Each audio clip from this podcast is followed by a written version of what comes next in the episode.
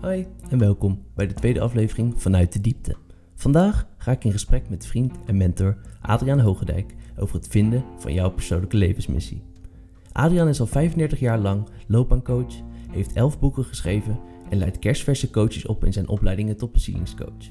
Dit leek mij een goede aanleiding om met hem in gesprek te gaan over het hebben en vinden van een levensmissie. Ik hoop dat dit gesprek jou ook inzichten geeft in jouw eigen levensmissie en je deze steeds meer mag gaan leven.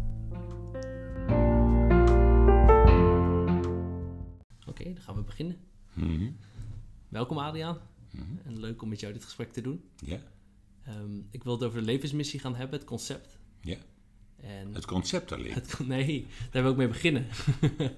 en daarna wil ik het eh, graag hebben over hoe mensen die zelf eh, in zichzelf kunnen vinden. Ja, Maar ik zou graag eerst van jou willen weten wat jouw levensmissie is. ja oké.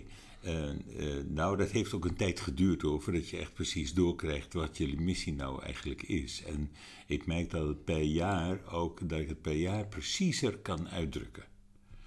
Dus dat is een ontwikkeling, ook de verwoording daarvan. En zoals ik het nu uitdruk, ehm, is ehm, eh, denk ik dat ik het fijn vind om mensen ehm, methodieken en instrumenten te kunnen geven eh, die mensen helpen om dichter bij hun liefde te komen. Dat is een hele mond vol.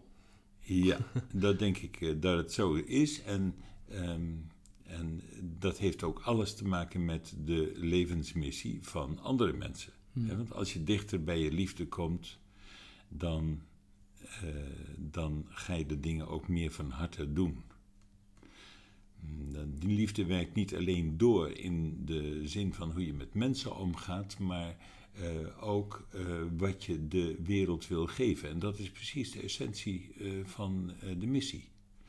Het feit dat we op aarde zijn, betekent gelijk al dat we hier iets te doen hebben. Dat is een mooie uitgangspositie, want ik hoor ook vaak van mensen dat ze, ja, het is zinloos hier en ik heb hier niks te brengen, ik heb geen talenten, ik heb geen passies. en dan zeg je eigenlijk, nee, iedereen heeft dat. Ja, absoluut, absoluut. Ja. Iedereen heeft iets te bieden in, eh, in de samenleving. En het leuke is dat ieder mens heel verschillend is, heel anders. En dat ieder mens dus ook weer een andere, unieke bijdrage kan leveren aan de samenleving. En je zei net van, het is concreter geworden bij mij, de levensmissie, en ik kan het steeds beter verwoorden. Maar het begint dus met een subtiel gevoel of een... Wanneer, hoe begint zo'n zo'n ja, zo'n pad richting die levensmissie? Nou ja, ik had filosofie gestudeerd en de filosofie eh, in, op een filosofische faculteit is echt een kwestie van ivoren toren. En ik vond het allemaal onzin. Ik ben een boerenzoon en ik heb een hele praktische kant. En ik dacht van, nou ja, maar ieder mens heeft eh, een levensfilosoof in zich. Dus ik ga mensen helpen om zelf ook filosoof te worden. Ja, dat is de levensfilosoof in mensen. Die, die, die mag meer geboren worden. Eh, niks is vanzelfsprekend eigenlijk. Eh, je kunt uitgaan van hoe het hoort, maar eh, dat past vast niet bij je op den duur. En dan is toch de vraag: hoe kijk je tegen het leven aan en hoe wil jij het leven leiden? Wat vind jij belangrijk? Dat betekent dat ieder mens eigenlijk door het leven genoodzaakt is om zijn eigen interne levensfilosoof geboren te laten worden. Want die heeft hij nodig om de juiste keuzes te maken. En het is ook zo dat we zonder enige gebruiksaanwijzing op deze planeet zijn geworpen. Dus we hebben een enorm probleem. Ja, We proberen allemaal maar wat. Ja. Hè? En, eh, en dat doen we ook met z'n allen. We proberen allemaal maar wat. En op een gegeven moment bedacht ik ook van eigenlijk is alles en wat mensen doen een daad van liefde dan wel een schreeuw om liefde. Hm. En dus er is eigenlijk on- ongelooflijk veel liefde. En eh, daar is ook een taboe op. Eh, we leven met elkaar in een soort hypnose. Dat er een tekort zou zijn, een schaarste zou zijn aan liefde. Nou, het tegendeel is het geval. Maar we gaan vaak met elkaar zo om dat het net lijkt alsof er een schaarste is aan liefde. en dat is Dus- voor jou ook een aanleiding om, om dit pad te starten. Ja, het is een soort van droomwereld hè, die gewoon niet klopt. Mensen zijn echt wandelende rijkdommen. Mensen zijn uh, uh, wandelende eenheden van liefde. Mensen zijn uh, clusters van talenten. Mensen hebben allemaal een hart van goud.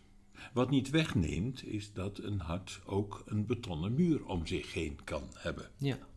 En, en mensen voelen dus zelf ook dat hun hart kwetsbaar is. En ze proberen dan uh, hun eigen kwetsbaarheid van tevoren al te beschermen. Maar juist door die bescherming um, uh, ja, de, uh, laten ze hun hart niet spreken. Nou ja, dat is dus zonde. Ja.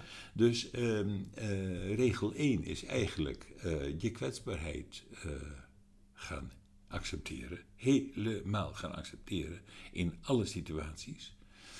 En daardoor kan, kom je meer tot oprechtheid. En daardoor ga je ook juist meer je kracht voelen. Maar mijn vraag daarbij is wel van oké, okay, je, je kwetsbaarheid accepteren, maar uh, het is niet voor niets een betonnen muur. Uh, we zijn er bang voor, er zit een grote angst op. Ja. Hoe doe je dat dan? Nou ja, kijk, hoe, hoe, hoe dikker het beton is, hoe enger het kan aanvoelen om die muur af te breken. Ja. En te gaan experimenteren met eerlijkheid, oprechtheid, mm. kwetsbaarheid. En het is zo ongelooflijk veel leuker. het leven geeft dan zoveel meer vervulling. Dus, uh, nou ja, dat kan ik toch iedereen aanraden. Ja, maar ik, ik denk dat zij dat ook allemaal wel willen. Maar ik denk ja. dat, dat, dat het gewoon, het voelt te groot, het voelt te, te gevaarlijk. Um, hoe, hoe ga je dan die eerste stap zetten richting, richting toch ja, je hart volgen? Ja, de, nou ja, het is toch een kwestie van moed met een D. Ja. Je moet opbrengen om eerlijk te zijn. Um, ook de dingen waar je schuldgevoel over hebt, ook de dingen waar je uh, je voor schaamt. Um, uh, ook de dingen die not dan zijn, om die te vertellen. Uh, of not dan zijn, om die, ja, überhaupt, om die aan anderen te vertellen. Dus de moed heb je dan nodig om dwars door de algemene gebruiken van de samenleving heen je weg te vinden. Met alle oprechtheid. Want kan jij je nog bedenken wat voor jou bijvoorbeeld uh, een drempel was waar je overheen moest? Waar je echt moed voor nodig had? Heb je daar een voorbeeld van voor mensen die luisteren? Ja. Ja. Ja, dus komt, komt dan gelijk, wordt dan gelijk heel intiem. En oh dat, ja, je mag, je, mag, je mag delen wat je wil delen en ook als je het niet wilt delen, dan. Nou, laat ik even een voorbeeld geven van mijn opleiderswerk. Mm -hmm. Dus in mijn opleidingen tot coach. Um, uh, ik durfde toch een aantal dingen. Er, er, waren dingen die ik in mensen zag en die ik niet ter discussie durfde te stellen. Hmm. En uh, op een gegeven moment ben ik steeds meer doorgaan krijgen dat het liefdevol is wanneer ik het, de, de dingen die ik zie bij andere mensen wel aankaart. Hmm. He, en dat, dan voel ik me ook kwetsbaar. En dan zit ik ook een beetje met rode oortjes. En dan, dan vraag ik me af van, mag ik dit wel doen? En kan ik dit wel doen? En ja. ben ik niet iemand voor schut en zo. Maar dan ga ik meedoen met de algemene, uh, de algemene wetten in de samenleving. Maar dat is gewoon helemaal niet de bedoeling. Daar bereik je helemaal niks mee. Nee. Dan, dan, uh, dan hou je alleen maar de muren tussen mensen uh, in stand. En, uh, maar ik heb ook geleerd om zo liefdevol dingen ter discussie te stellen. En aan de andere kant ook um, te laten zien dat we allemaal in leerprocessen zitten. En dat we zoveel nog moeten leren, jong en oud. Ja. Uh, dus het is steeds gewoner om de dingen te benoemen. En die dingen die je, want nu heb je het inderdaad over in je opleiders, uh, opleiderscarrière uh, en over je hele levensmissie in zijn geheel, heb je natuurlijk elke keer weer een drempel overheen te stappen. Want de, ja, in mijn ervaring, elke keer als ik mijn hart volg of iets spannends ga doen, kom ik ook overtuigingen tegen die zeggen dat gaat je toch niet lukken, dat is, uh, is te spannend, dat is te eng. Dus het is tegelijkertijd ook een enorm groeiproces als persoon, die levensmissie. Die gaan een soort van hand in hand. Absoluut, want we leven in de droom van de grote bescheidenheid. We mm. zitten met z'n allen in een bescheidenheidsziekte. En godzijdank wordt die langzamerhand minder. en worden mensen steeds uh, duidelijker in, uh, in wat ze willen en wat ze allemaal kunnen. En moeten daar ook om lachen, zijn er ook blij om. Ehm, en ik denk eigenlijk dat we in grote lijnen allemaal in zo'n leerproces eh, zitten of kunnen gaan zitten. Om steeds meer talenten die in ons zitten te gaan ons eigen te maken en die gewoon te gaan gebruiken en daarvoor uit te komen. Maar hoe ga je die ontdekken als je ze nog niet kent? Nee. Ja. Want dat hoor ik ook vaak, dat mensen iets hebben van ja, ik wil, ik wil mijn passie volgen en ik wil ervoor gaan, maar wat kan ik nou? Er zijn twee duidelijke ingangen. Hmm. Dat is je hart en je, en je verlangens in je creatiebron. In je buik zit je creatiebron. dus het helpt niet om daar met je hoofd over te blijven denken. Nee. Onzin. dus we hebben elkaar nodig ook uh, om elkaar een vraag te stellen en ook te vragen naar uh, wat wil je eigenlijk? En wat, wat wil je eigenlijk neerzetten op deze wereld? Wat wil je eigenlijk doen? Wat wil je achterlaten? Hmm, wat, wil je, wat wil je mensen bieden? Waar heb je lol in? Wat fascineert je eigenlijk? dus dat is de lijn van de verlangens.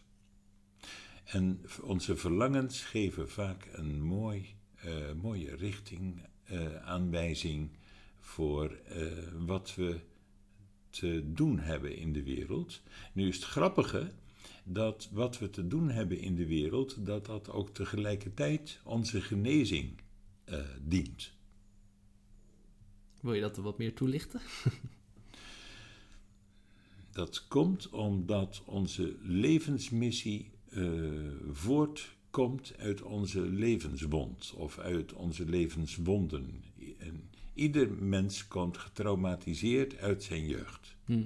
Dus we dragen allemaal wonden met ons mee. We willen graag weer terug naar de heelheid en de eenheid van waar we uitkomen. Ja. En, ehm, en uh, we willen ook graag onze wonden genezen.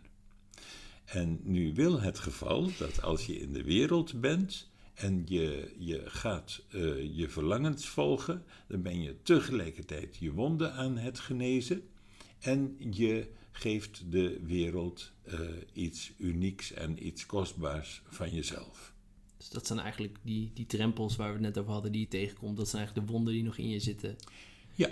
En die, die, en zijn, die, die zijn dus zeer interessant. Absoluut. Die zijn zeer interessant omdat, uh, hè, dus, de, ja, dat betekent dus ook dat we moeten zitten in de emancipatie van de onleuke emoties. Want juist hmm. de onleuke emoties zijn zo in, interessant. Ja.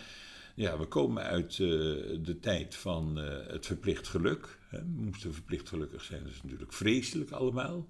Hè, dus op een gegeven moment wordt de lach een grijns. Hè, dan mm. zo, zo'n manier.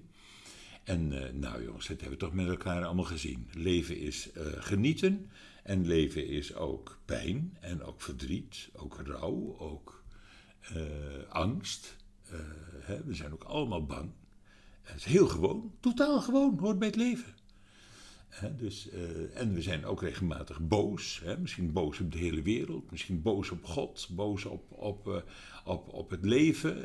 noem maar op, het kan allemaal. En nou, laten we het allemaal bekijken en bestuderen. Zeer interessant. Dus als dat er allemaal mag zijn en je gaat ondertussen je verlangens volgen, dan kunnen dat zeer interessante richtingwijzers zijn om je eigen pijn te helen, je eigen wonden te helen. En het geeft ook zo'n enorme voldoening dat om bijvoorbeeld mensen iets te geven wat je zelf als kind hebt gemist. Ja, dat Geweldig. is een mooie, mooie zin. Ja, absoluut. Geweldig. Ja dus, uh, nou, en wat hier ook een enorme rol in speelt, is natuurlijk je hart. Hè? En ja, het beton afbreken, ja, dat doe je bijvoorbeeld door uh, de dingen te delen waar je voor schaamt. Ja, zo. En dat die is je ook eng een uh, vindt. krachtige, waar die nog niet veel, ja, dat is nog niet in de maatschappij per se, tenminste in mijn leven, gebeurt dat nog niet zo heel veel. Nee. Er zijn, er zijn mensen waar ik dat mee doe, en, Nee. maar er zijn ook heel veel mensen waar eigenlijk iedereen mooi weerspeelt. Ja, ik probeer dat al tientallen jaren te doen, om vooral dingen te vertellen aan mijn vertrouwelingen waar ik me helemaal voor schaam. Jeetje, ja, dat is dapper. Dat is heel dapper. Ja. en het bevalt me ongelooflijk goed, want eh, daarbij geef ik mezelf eigenlijk eh, een bewijs dat ik er helemaal mag zijn met Hmm. alles erop en eraan. Anders had je het niet gedeeld. Dus het is, ja, Ja. anders, precies. Dus je geeft ook die gevoelens ehm, het, eh, die gevoelens bewijs je ook dat ze er ook mogen zijn. Dus dat betekent dat je er steeds meer helemaal mag zijn. Hmm. Dat betekent ook ondertussen dat je hart mag groeien. Op de eerste plaats dat je hart mag groeien voor jezelf. Het is eh, een bewijs van liefde. Hmm. En de zelfliefde komt natuurlijk altijd eerst. Dat doen mensen daar heel makkelijk over. Hè? In, de, in de spreuk van je moet eerst jezelf lief hebben en dan kun je pas anderen lief hebben. Of eh, dan kun je pas door anderen lief gehad eh, eh, worden. Ehm, daar wordt heel makkelijk over gedaan, maar dat blijkt een hele complexe levenstaak te zijn. En ja, we zitten dus met eh, de gebakken peren. We zitten allemaal voor de uitdaging om, eh, om eh, complex werk te gaan verrichten.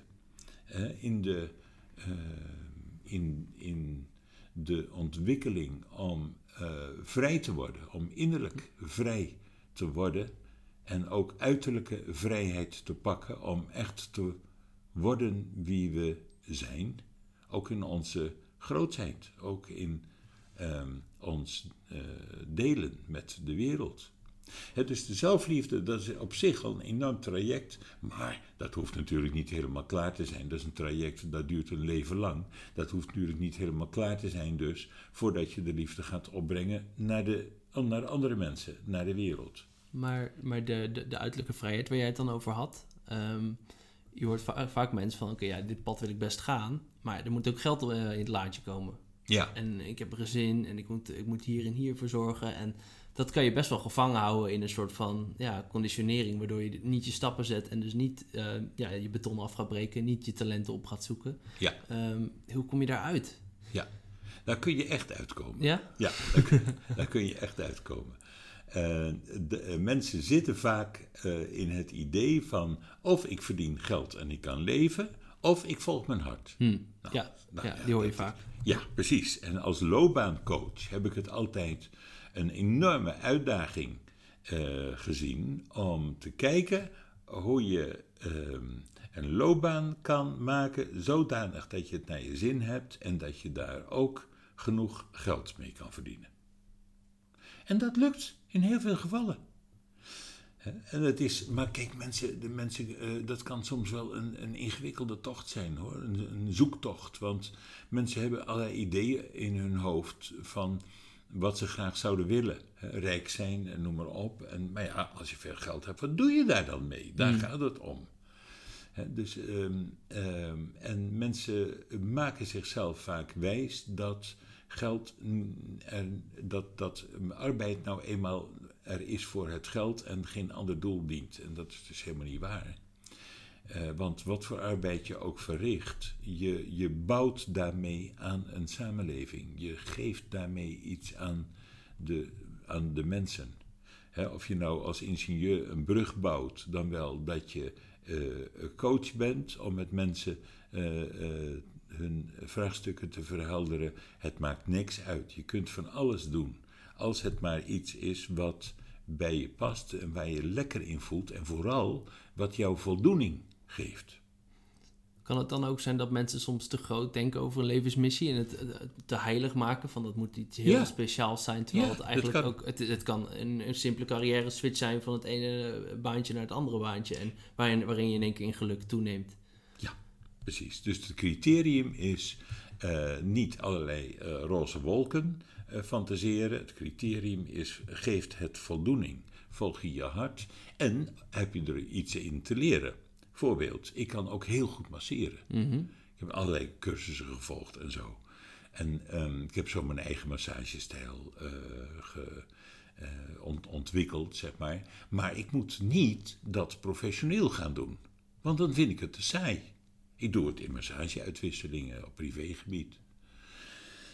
Dus je moet het ook fascinerend vinden. Je moet, het ook, je moet er ook uitdagingen in vinden. En als je werk doet waar geen uitdaging meer in zit, oké, ga uitzoeken. Ga niet onmiddellijk ontslag nemen. Onzin. Ja. Het geld moet ook doorgaan, maar ga ondertussen aan de slag met uitzoeken wat je wel wil. En ga daar ook hulp bij zoeken, want eh, en dat kunnen coaches zijn, maar ook gewoon vertrouwelingen eh, die het fijn vinden om met je mee te denken. Maakt verder niet uit als er maar pittige vragen aan je gesteld worden. Een spiegel voorgehouden. Ja. ook dat. Want je kan het eigenlijk op eigen kracht, zeg jij, is dat heel moeilijk, denk ik. Omdat natuurlijk ook al die angsten en het beton, eh, die, die, die, die doet ook mee in dat gesprek in jezelf. Ja, ja, ja, dat is ook wel grappig. Mensen zitten in hun eigen warboel. Hmm. En vanuit de buitenkant kun je veel meer zien. Ja. ja. Vooral wanneer, wanneer het gaat om eh, innerlijke, eh, innerlijke hindernissen die zo dicht bij je zitten, die zo diep zitten, dan zie je ze zelf, dan zie je ze zelf niet. Hè? Dus dan heb je echt anderen nodig. Ja. En dat vind ik ook heel goed. Mensen, helpen, eh, mensen kunnen elkaar helpen op ongelooflijk eh, goede, lieve manieren. Ja, door ook de echte dingen te zeggen en ook de echte vragen te stellen. En het is ook zo, volgens mij, en daar kom ik ook steeds meer achter, dat de levensmissie niet iets concreets is en het is niet een functie, maar het is iets wat steeds eigenlijk dynamisch eh, aan het veranderen is, toch? Het is het. Ja, want eh, nou ja, dan kan ik ook mezelf weer even als voorbeeld eh, nemen. Als het mijn missie is om instrumenten en methodieken te ontwikkelen om mensen in contact te brengen met hun liefde, dan ja, in die context heb ik spellen ontwikkeld, legsystemen, vloerplaten, eh, heb ik boeken geschreven, eh, geef ik eh, les en ben ik coach. En ehm, dat zijn allemaal hele verschillende vormen van hetzelfde, voor mij van hetzelfde. Ja. Als de essentie er maar in zit. En de essentie is mensen in contact brengen met hun liefde. En Ja. dat kan je dus door schilderen doen, door spelletjes, dat kan. Ja, en ik doe dat ook door schoonheid inderdaad. Ik, eh, ik maak schilderijen en, en daarin ben ik steeds op zoek naar, eh, eh, naar het allermooiste schilderij. Ja, ik zit hier een beetje om me heen te kijken. Ja. Je hebt natuurlijk hier ook hele mooie schilderijen, hele felle, heldere kleuren. Ja, het worden nu langzaamaan zachter. Het is echt een experiment. Dat ik nu met steeds zachtere kleuren aan het werken ben. Ik sta meer zachtheid toe in mezelf Ja. ook. Ja, ja. En meer nuances in mezelf sta ik toe. Ik, ik vraag tegenwoordig preciezere, steeds preciezere, fijnmazigere vragen. En dat is ook in mijn schilderijen eh, te merken. Door lichtere kleuren te gebruiken. Bijvoorbeeld een kleur als roze. Nou ja, ik vond dat een lelijke kleur. zeg. Ja, ja, ja. Ik had er niks mee. Of paars. Vreselijk. Maar ik werk nu ook met paars en roze. En, eh, en zacht rood. eh, ehm, en eh, goud en zilver. En, door, en, En, dit is dus eigenlijk ook weer een uiting van je levensmissie. Dus het is, het is Ja. echt niet van jij bent coach en je hebt een opleiding en dat is het. Het is gewoon eigenlijk jij bent de levensmissie. Jouw ziel in al zijn aspecten, in al zijn componenten. Eh, Elke manier waar jouw ziel uiting geeft eigenlijk. Zeg ik dat goed? Dat, is, dat klopt helemaal. En, en eh, het is ook leuk om in dat verband te zeggen dat ik een museum, eh, van een kunstmuseum, zie als een tempel van liefde. Hm. Waarom? Omdat een, de schoonheidservaringen, die brengen ons in contact met onze ziel. En onze levensmissie zit ook in onze ziel. Hm.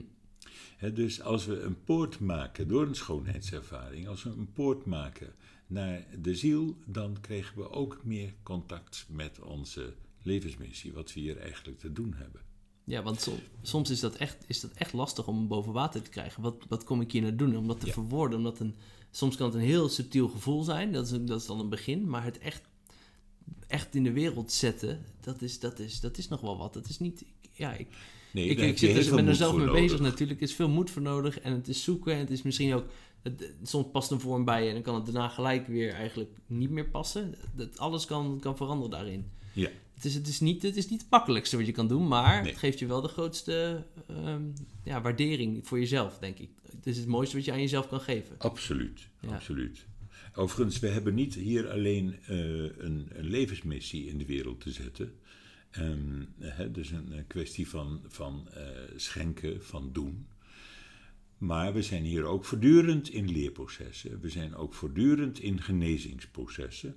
En we zijn voortdurend in bewustwordingsprocessen. En dat zijn vier dingen. Dus Ja. we moeten ook een beetje de andere drie in de gaten houden. Niet alleen de missie, maar ook dat we aan het leren zijn. Dat ons bewustzijn groeit voortdurend gedurende ons leven. En, ehm, ja, en dat, we ook, eh, dat het eh, echt de moeite loont om onze wonden te genezen. Ja, Of te laten genezen. We kunnen hulp in, inroepen van allerlei eh, tovenaars, zeg maar. Ja. ja. En is het nou zo dat een levensmissie mm, ooit stopt? In jouw optiek? Totaal niet. Nee. Die loopt door tot... Tot, tot het Tot einde van het leven. Eh, ja, dus een pensioen, pe- pensioen vind ik een belachelijke, eh, belachelijke instelling. Nee, dat is eigenlijk een, het pensioen is een financiële instelling.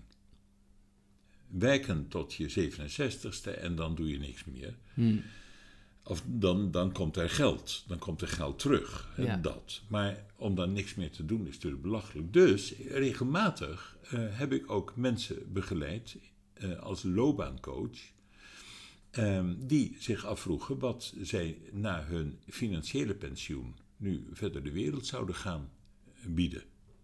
Prachtig werk is dat. Dat is, dat is een hele mooie vraag Ja, om want te hoe ouder je wordt, hoe meer wijsheid je opdoet. Tenminste, als je open staat. Hè? Ja. Als je cynisch bent geworden, dan, dan gaan de luiken dicht. Ja, ja. Dan word je hoe langer, hoe enger in je denken. Dan heb je weinig meer te bieden op het gebied van wijsheid. Maar als je open blijft staan en in ontwikkeling blijft, dan neemt je wijsheid alleen maar toe. Dus het is zonde om niet tot je dood te werken. Ja, want het, ik, wat ik me ook voor een levensmissie, als je er echt, als je er vol in staat en je hebt je positie ingenomen in je plek, dan voelt het niet als werken. Nee, ook dat. Dan, is het, dan ben je gewoon aan het leven. Ja. Nou, in vreugde leven hoop ik zelfs, toch? Ja, ja, ja, maar dat niet alleen hoor. Want eh, eh, je, je vertelde net, het is, eh, je hebt moed nodig Ja, ja, om ja. het uit te voeren.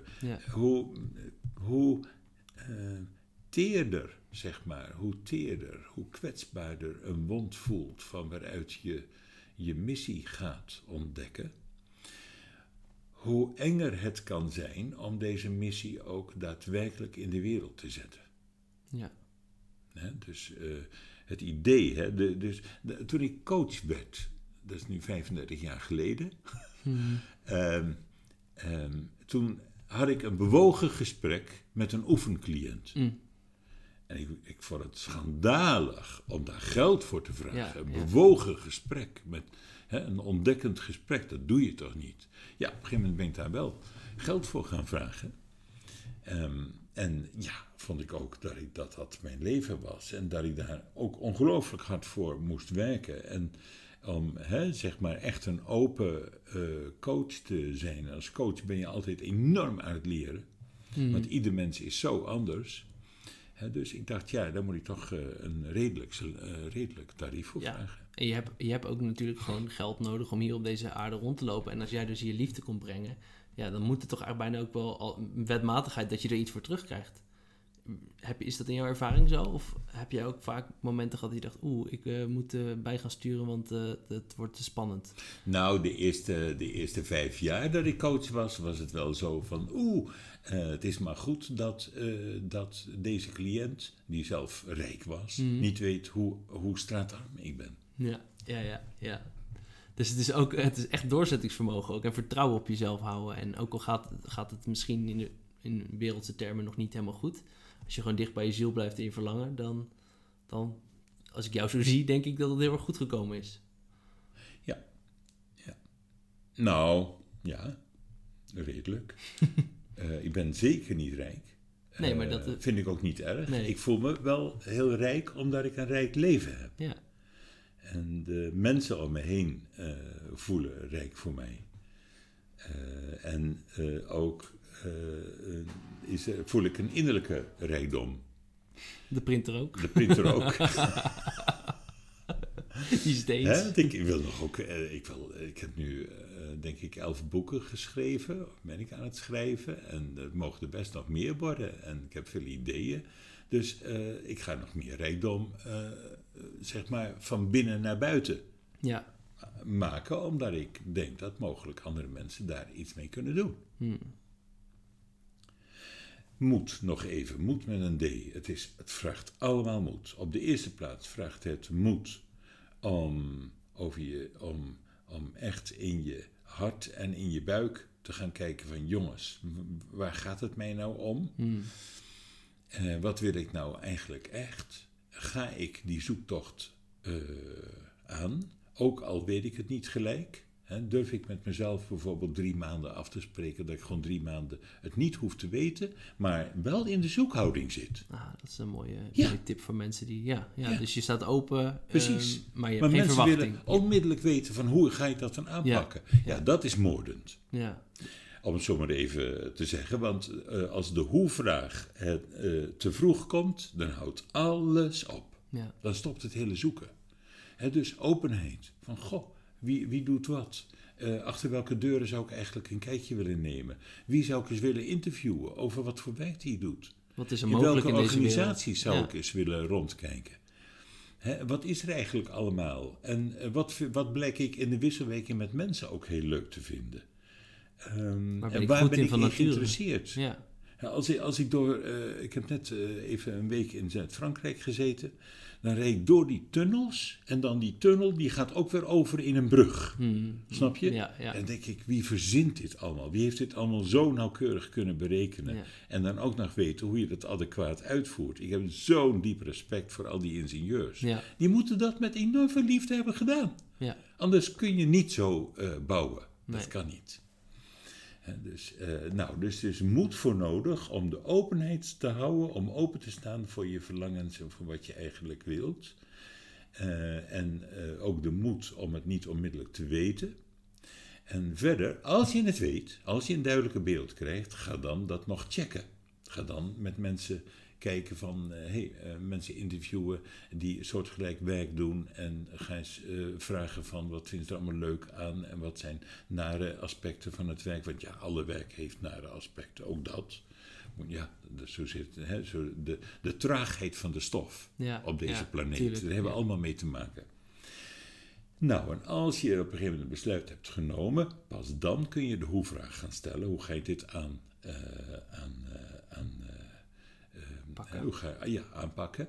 En, ehm, ja, en, en wie ga ik inschakelen om met mij mee te denken hoe ik het ga doen? Nou, en dan kost het ook weer heel veel moed om ervoor te blijven staan. En om te volharden. Ja. Om te volharden, net zo lang door te gaan totdat de wereld jou opmerkt. En wat het ook nog volgens mij, tenminste wat ik eh, best wel ervaar, is van soms moet je echt deuren echt sluiten voordat andere deuren open kunnen gaan. Is dat, want ik, ik hoor jou inderdaad over oriëntatie en dat je gaat kijken van ja, wat vind ik nou leuk, wat vind ik interessant, ehm, mensen interviewen. Maar is het soms ook dat je gewoon een deur moet sluiten omdat je gewoon zo vastgeroest zit in je plekje en ja, dus het geeft je zoveel veiligheid. Er is niet eens een openheid tot andere ideeën of mogelijkheden. Is dat... Ja, di- dit soort eh, dingen die zie ik eh, met belangstelling altijd eh, gebeuren Mm. in mijn cliënten. En mensen verschillen in dit opzicht in hoge mate. Sommige mensen moeten echt ontslag nemen. Ja. om de vrijheid te gaan voelen om echt naar binnen te gaan kijken. Want anders kunnen ze het niet. Ja. En andere mensen die blijven gewoon hun werk doen totdat ze vo- volledige helderheid hebben over wat ze gaan doen en hoe hun aanpak wordt. Ja. Dus het is echt per mens verschillend. Ik weet van mezelf ook, ik moet ook deuren sluiten voordat er, voordat er weer perspectief komt. Ja, Omdat ik, ja, anders ben ik gewoon toch te veel bezig met, met de oorspronkelijke vorm waar ik me dan in bevind. ja, ja. Ja, ik zit niet zo in elkaar. Ik heb Oh ja. eh, altijd eh, pas eh, deuren gesloten als iets anders al begon te ontstaan. Ja. Dat Dus is wel ik ben veilig Eerst, eh, soms. Ja, de, ik heb dat, eh, die veiligheid had ik ook nodig vanwege geldgebrek Ja, ja. vroeger. Maar ik heb dus zeg maar, naarmate mijn praktijk groter werd, meer ging lopen, kon ik iedere keer weer één dag per week verder opzeggen in mijn aanstelling als docent in het HBO. Oh ja. Dus het is, je zag het echt als een soort wipwap van eh, het een werd meer en dan kon het ander weer. Ja, Ja. ja. Dus dat, dat is wel, ja, ik, ik, ik, ik hoop altijd dat dat bij mij ook gebeurt. Maar ik merkte bij mezelf van, ja, ik, dit moet, deze vorm moet helemaal weg. We gaan helemaal opnieuw kijken. Maar het is dus wel gewoon verschillend en dat is fijn. Dus je kan, het, je kan twee manieren aanpakken in principe. Of er, is misschien nog, er zijn nog meer manieren, want ieder mens is verschillend. Maar een duwtje in de rug is soms wel prettig.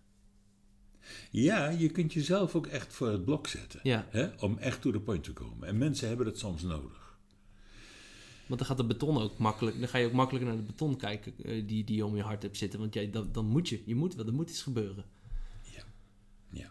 ja, ik heb, er zijn situaties waarin ik mezelf ook gedwongen heb om ehm, uit de verf te komen op Ja. bepaalde gebieden. Ja. En ik vond het heel eng om de laatste dag per week nog docentschap in het HBO, om die, eh, om die definitief Ja. eh, op te zeggen. Ik vond het echt eng. Ja. Hè, het laatste stukje hou vast. Bedoel, er- kwam nauwelijks inkomsten uit, hè, één dag per week. Maar ehm, eh, ja, het gaf een eng gevoel. Ja, ja. Dus, eh, ja, en toch en- doorheen gegaan. Ja, ja, ja. En ik ben het langzamerhand ook steeds gewoner gaan vinden dat ik regelmatig bang ben. Hm. Bang ben dat, eh, da- dat ik niet genoeg cliënten heb. Of dat, dat, dat de opleiding niet voldoende in beeld komt in de samenleving. Dat soort dingen. En eh, ik kom er lang, langzamerhand steeds maar achter dat eh, zoveel ondernemers eh, steeds bang zijn. Ja. Nou ja, bang hoort ook bij het leven. Het is een veel accepterende houding dan dat je er ga- tegen gaat verzetten. Waardoor Ja. je het eigenlijk veel echter maakt. En, Mensen zijn vaak bang voor de angst. ja. En onnodig, want angst behoort gewoon tot het leven. Hm. En het le- hele leven is natuurlijk strikt genomen doodeng. ja, ja. Het is een heftige planeet waar we zitten en er kan zo ongelooflijk veel misgaan. Dus als je focust op alles wat mis kan gaan, ja, dan, heb je, dan kom je niet meer uit de verf. Nee, nee. Dan kun je echt niet meer bij je levensmissie komen. Dus jij, jij, jij erkent wel je angsten, maar eigenlijk luister je er niet naar. Ja, nee. Ik voel me ook inderdaad een angstdeskundige. Dat is een mooie titel. Ja, hoe meer angst je hebt, hoe, hoe meer angstdeskundigheid je gaat opbouwen. Ja. Hè? Dat je gaat ontdekken van nou, wat werkt in het leven en wat werkt niet. En is dat minder geworden, die angst, eh, naarmate de jaren? En je, en, of, of kan je dat niet zeggen? Nee, ik kan dat helaas niet zeggen. Het zou natuurlijk heerlijk zijn om een comfortabel leven te leiden eh, zonder angst. Maar dat is bij mij in ieder geval helemaal niet het geval. Nee. Nee. En ik, maar ik, ik, dat komt ook omdat ik, ik ben eraan gaan wennen. En ik vind het ook leuk om mijn angsten te delen. Oh ja. Ik vind het steeds leuker gaan, gaan worden. Ken- Mensen zijn dan verbaasd, hè. Maar ja, dat zijn dan mensen... Als ik mijn angst deel met anderen... dan leer ik tegelijkertijd andere mensen ook omgaan met hun angst. Ja. Verrukkelijk. Ja, ja, ja. Want dat, jij laat zien dat het er mag zijn. Ja, Ja, precies. ja. Ja, dus, ehm, en soms moeten die, we moeten ook echt, ik ben soms een missionaris van de onleuke emoties. Hè? Bijvoorbeeld boosheid. Als kind mocht ik nooit boos zijn. Was het natuurlijk wel, maar dat mocht niet. ja. Dus dat heb je allemaal ingeslikt en Precies. weggestopt. En op een gegeven moment was ik zeven, had ik zeven jaar lang geen partner. Hm. En ik had het daar op een gegeven moment helemaal mee gehad. Ja. En toen ben ik dus eigenlijk mijn woede gaan loslaten. En ben ik razend geworden op, op God en op het leven en, en op, op alles, op de wereld. En, en, en eh, van ik pik dit niet meer, het moet nu echt veranderen en zo. Hè? En, eh, en eh, nou, toen ben ik naar een wijze vrouw gestapt en gevraagd van wil jij er eens even naar kijken en zo. En die kwam met de boodschap van ja, jij bent toch niet helemaal, je moet eerst nog, toch nog eerst met je helemaal uit de verf komen in al je talenten, om die nog meer in de wereld te gaan zetten. En, eh, en dan, als dat op gang komt, dan kan zelfs al na een half jaar of een jaar kan er weer een partner verschijnen. Oké, ik ging toen weer naar huis en werd nog razender. Oh, Die dacht, potverdorie, nu heb ik al geen partner en dan moet ik ook toch eerst mijn best doen om nog meer mijn talenten in de wereld steeds te zetten. authentieker worden eigenlijk. Dus. Ja, eigenlijk kwam het daarop neer natuurlijk. Hè? Toch, nog Ja, meer ja. mezelf worden. Nou, wat heb ik toen gedaan? Dus op een gegeven moment merkte ik dat eh, het loslaten van de woede en het delen van de woede met mijn vertrouwelingen, dat dat me enorm hielp en dat dat een ongelooflijk emancipatieproces was van mezelf. Ja.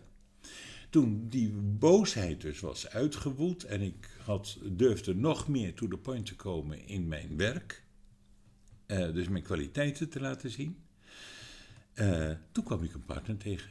Grappig hoe dat dan werkte. Dan ben je er gewoon, dan Ongelooflijk. ben je er gewoon klaar voor.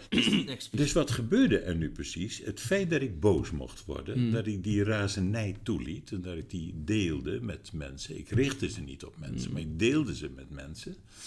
Ehm, dat was een enorme daad van zelfliefde. Ja. Mijn boosheid mocht er eindelijk zijn. Eindelijk, na al die jaren. Ja, zoiets. En eh, dus door de groei van zelfliefde die daardoor ontstond, was ik op een gegeven moment klaar om mijn huidige partner tegen te komen. Ja. Nou, dat is, eh, ik bedoel, dat is een enorm succes geworden. En dus, ja, dat, dat weet ik. want Jij bent helemaal verliefd. Maar, maar daar zullen we het niet over hebben. Oké, ja, we kwamen voor de levensmissie maar, bij elkaar. Maar ik kan wel een parallel trekken. Want Ja. deze blokkade die je dan bijvoorbeeld op een rela- relationeel gebied hebt... dat geldt natuurlijk ook voor de levensmissie. Absoluut. Dus, dus er kan een gigantische emotie eh, in je zitten... die, die alle, alle stroom van levensmissie eh, tegen kan houden. Ja. Dus begin daar is dan misschien ook een tip... als je niet weet waar je naartoe moet gaan. Wat is er nog in mezelf op te ruimen? Is dat een mooie, daar, mooie speelt, beginstap? daar speelt hetzelfde. Daar speelt hetzelfde. Het kan zijn dat je, dat je eerst je angst gaat toelaten en die gaat bespreken met mensen. Zodat je op een gegeven moment niet meer bang hoeft te zijn om over te stappen naar een eh, werk wat je veel leuker vindt. Ja, ja. Hè? Of, eh, of je liefde meer toelaten, wat ook hartstikke leuk is. Doodeng, doodeng, want je, je hart is kwetsbaar en Ja. toch doen. ja. Hè, dat kan ook enorm helpen. Ehm, hè, of, of de boosheid eh, op, op eh, hoe het gaat in een organisatie. Dat je het helemaal hebt gehad. En dat je niet, eh, niet het traject ingaat van de verbittering en de dichtgeklaptheid. Maar je gaat er iets mee doen. Je maakt er je kracht van. je, Ja. je gaat er iets mee doen. Je gaat actie ondernemen. Dan wel dat je zegt van jongens, ik ga hier weg. Ja. Doei. Maar, maar ik bedoel, jij, ik vind, als ik naar jou kijk, zie ik een man met veel talenten.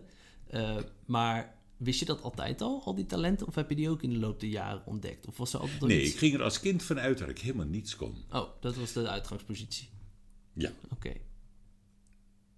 Ja, je kijkt me aan, maar ik denk, ja, dat... dat je, Ja, nee, dat- nee dat- het was, je- je nou kan- ja, ik ben ook verbaasd nu even over wat ik nu zeg. Maar en, wat- ik maak nu contact met mijn jeugd. En ik Ja. dacht dat dus echt. Ja. Ik kan zo'n beetje niks. Ja, Hè, dus ehm, ja, ik, ik werd gepest, geslagen, eh et cetera. En, en ja, eh, het was, was geen fijne jeugd.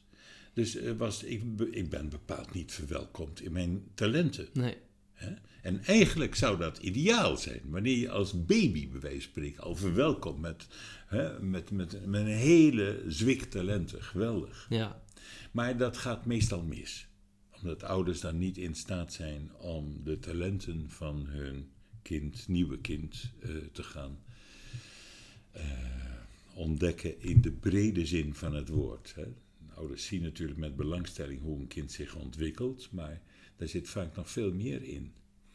En als een kind eh, nou een, een, een, zeg maar een hele grote intuïtie heeft en die ouders vinden intuïtie echt helemaal niks, ja dan, die wantrouwen hun eigen intuïtie. Ja, dan heeft zo'n kind natuurlijk, voelt zich in zijn intuïtieve kwaliteiten totaal veronachtzaamd. ja, die wordt in de ijskast gezet. Precies. Ja. Hè, dus zo'n kind denkt van, nou ja, eh, ik zal het wel fout hebben. Hmm. Zo. Ehm, ja, dus voor mij is dat een lange tocht geweest. Ik liet mij naar de LTS sturen om timmerman te worden. Ja, En toen werd ik doodongelukkig. En toen dacht ik, nou ja, laat ik dan maar op kantoor gaan werken. Werd ik nog ongelukkiger. En toen dacht ik, nou ja, laat ik dan maar eens als B-verpleger gaan werken. Werd ik nog ongelukkiger. Maar daar gebeurde iets. Als B-verpleger merkte ik dat ik me veel beter kon identificeren met de artsen, specialisten en psychologen die daar rondliepen, dan met mijn collega-verpleegkundigen. herkenningspunt dus voor jou. Precies. Ja. Dus je denkt, nu is het uit. Nu is het over. Ik ga helemaal opnieuw beginnen. Dus ben ik een part-time baan eh, gaan zoeken. En daarnaast naar het avondgymnasium en daarna naar de universiteit. Ja, en daar was dus een soort, eh, ik vind dat een mooie metafoor, eh, de kruimeltjes volgen, broodkruimeltjes van je, van je passie, van je levensmissie. Dus je ziet daar die arts en die psychologen en dan denk je, ja, dit resoneert, dit, Ja. is, dit is een deel van mij en dit wil ik volgen en gaan Ja. eh, onderzoeken. Dus zo begint zo'n tocht eigenlijk ook. Zo begint zo'n Ja, tocht. En dat ik dat besluit nam en om op te zeggen bij die, in die, dat verpleeg, eh, die, die, die psychiatrische instelling. Dat was echt een revolutie. Ja, ik wist niet zeker of het anderen allemaal wel zou lukken. En ik heb faalangst gehad gedurende de hele tijd dat ik het avondgymnasium volgde. Omdat ik niet goed kon omgaan met multiple choices. Mm. Achteraf bezien ben ik gewoon daar veel te intelligent voor geweest. Voor multiple choices. Dus ik moest gevoel krijgen voor wat de makers van die multiple choice vragen nou precies wilden horen. Ah, ja. Nou, dat, dat, dat was het echte werk wat ik moest verrichten. Jeetje. Ja. Dat was, dat, dat, was dat komt ook bij dus ik kijken. moest dus. voor, ja, precies. Ja. Maar ik dacht, ja, ik moet erdoor, want anders dan vind ik mijn bestemming niet. Dat was En echt een, ik- sterke, echt een sterke intuïtief gevoel van ik moet hier doorheen, ik moet, dit, ik moet me hier doorheen slaan. Nou, sterker nog, ik, ik was ervan overtuigd dat het echt niet meer zou goedkomen. eh, met mij in de wereld als ik het afgymnasium niet haalde. Zo, ja. Er zat dus wel wat power achter. Enorm. Ja, Het was echt dood of dat diploma ja, halen. ja. En, eh, en eh, nou, toen op de universiteit, nou, dat was nou, de, een makkie. ja. Een makkie. Daar hoefde ik bijna niks voor te doen, joh.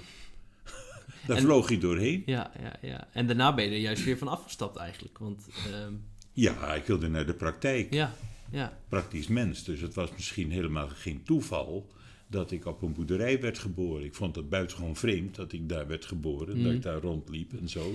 Ik herkende daar eigenlijk niks.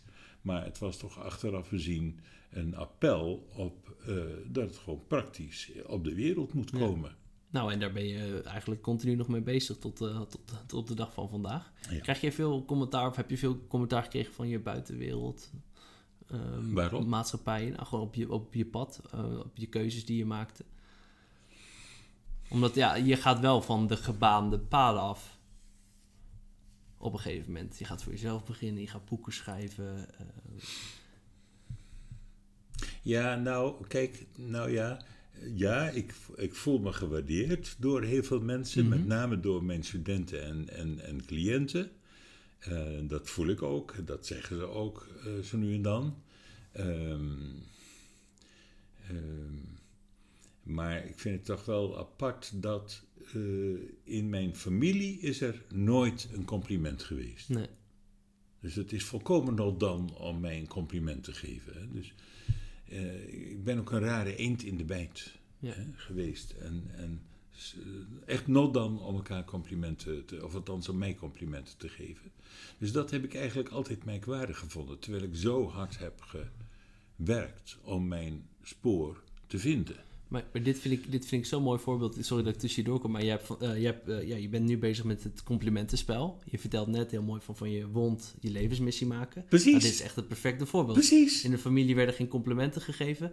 Nou, ik ga ervoor zorgen dat de wereld wel complimenten gaat geven. Ja, Mooi. Precies. Ja, dit vind ja, het is mooi om dat, om dat tastbaar te maken. Ja. Dat, eh, het complimentenfeest is net van de drukpers. en was jij je bewust dat dat hieruit voortkwam? Of Nee, nee? Nee, dat maak jij me nu aan Ja. patent. ja. Want Jij, jij kijkt van de buitenkant Ja, naar ja, mij. ja. Zie je? Zelf zit ik er, zit ik er helemaal in. Ja. Dus eh, ja. eh, maar het is natuurlijk ook wel, ja, inderdaad, zo is het wel ontstaan. Want in, in, de, in de opleiding laat ik mensen door, dat heb je ook meegemaakt, hè, laat ik mensen door elkaar heen wandelen. En, eh, en elkaar dan complimenten geven. Ja. En dan een volgende oefening is om elkaar om complimenten te vragen. Nou, dat vinden mensen wat zeg. Terwijl er, we hebben door de dag geen ongelooflijk veel complimenten voor elkaar. Ja. Eh, die voelen we, maar die uiten we niet. Nee. Hè? Dus we zitten in de droom van de schaarste. En dat heb ik willen doorbreken door het complimentenfeest. Ja, en dat is ook volgens mij gelukt.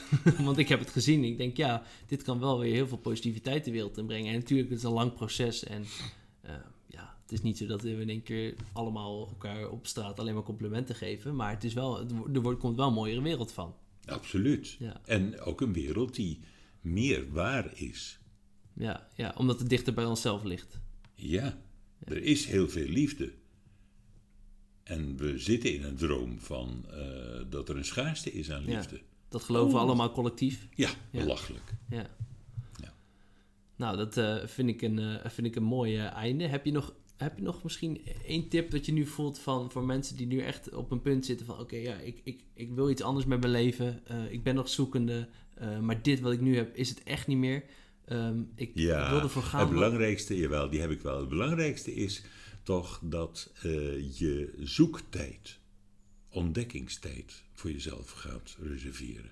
En dat je in die ontdekkingstijd eh, mensen inschakelt, vertrouwelingen Ja. inschakelt, om eh, jouw vraag, jou te interviewen. Maar geef jezelf, gun jezelf de tijd, heb geduld. Het hoeft niet gelijk, het hoeft niet perfect. Eh, want dat is, hoor je ook vaak van, nou, als ik er dan voor ga, nou spreek ik uit eigen ervaring, maar dan moet het ook in één keer goed zijn. En dan moet het allemaal goed lopen, want ik heb deze keuze gemaakt om van de gebaande paden af te gaan en dan moet het ook goed gaan. Precies. Nou, dat, Dus is, is dat, slaat, dat slaat natuurlijk nergens op. Nee, er is veel geduld nodig en veel voelen. Ja, Voelen wat je verlangt, voelen wat je leuk vindt en eh, voelen wat jou trekt. Waar gaat je hart naar uit? Wat gun je andere mensen? Eh, ja wat, heb je hier te geven? Wat heb je hier te geven? Wat heb, wat heb je van jezelf? te Ja. geven hier? Wat, Ja. wat kom jij... Ja, Ja, precies. Dus ik denk ook, ook aan die ingenieurs die die geweldige bruggen in... Ja. eh, Hè? Ik ben over een brug gereden waar je zo hoog reed als de Eiffeltoren Ja, hoog is. ja, de brug bij Millau. Nou ja, het is waanzinnig. Ja. Dat is overigens eh, door een Britse en een Nederlandse ingenieur gebouwd. Dat eh, kunstwerk. Ongelooflijk. Gigantische dus het zit in alles. Het zit in alles. Het zit in alles. Ja, Dus ja, het, het, hele, het heilige idee van le- levensmissie kan dan ook van tafel worden geveegd. Want zelfs iemand eh, die bijvoorbeeld een schoonmaker is, eh, doet prachtig werk en die zorgt ervoor dat een heel eh, bedrijf eh, ja, eigenlijk een soort ja, schone mind krijgt, doordat de omgeving schoon is. Als je er zo leert, naar leert kijken, en heb ik het vanavond tegen mezelf natuurlijk, is, dan, dan hoeft het ook niet een heel hoge eis te zijn voor jezelf, een levensmissie. Ik heb jarenlang een vriend gehad die was schoonmaker in een ziekenhuis. Hmm. Dat deed hij met ongelooflijk veel liefde en met heel veel plezier. Ja. Omdat hij ook leuke interacties kreeg met de zieke mensen Ja. daar lagen. Dus dat kan ook Prachtig. prima. Dus dat hele idee, eh, dat breng ik dan in, maar dat mag ja, ook mensen denken dan aan een soort hemel op aarde. Maar eh, ja, het is hier veel meer van hoe, hoe krijgen we met z'n allen een hemel op Ja. aarde. Ja. En daar moet wel voor ge- gewerkt worden. Ja, dat, dat, dat klopt, maar wel op een plek waar jij eh, wil staan. Ja. En als mensen daar nu geïnspireerd eh, tot zijn om, om, dat, om op zoek te gaan, dan kunnen ze jou bereiken via jouw website. Ze kunnen met mij in gesprek. Ja, En om, om gewoon die zoektocht, want dat is ook hartstikke leuk om daar samen dichterbij te komen. ja, ja. We zijn twee wijze mensen bij elkaar. dus eh, kies Nou. maar uit wie het leukste vindt. Geweldig. Nou, daar wil ik wel bij afsluiten. Ja. Dankjewel. Dankjewel. Graag gedaan.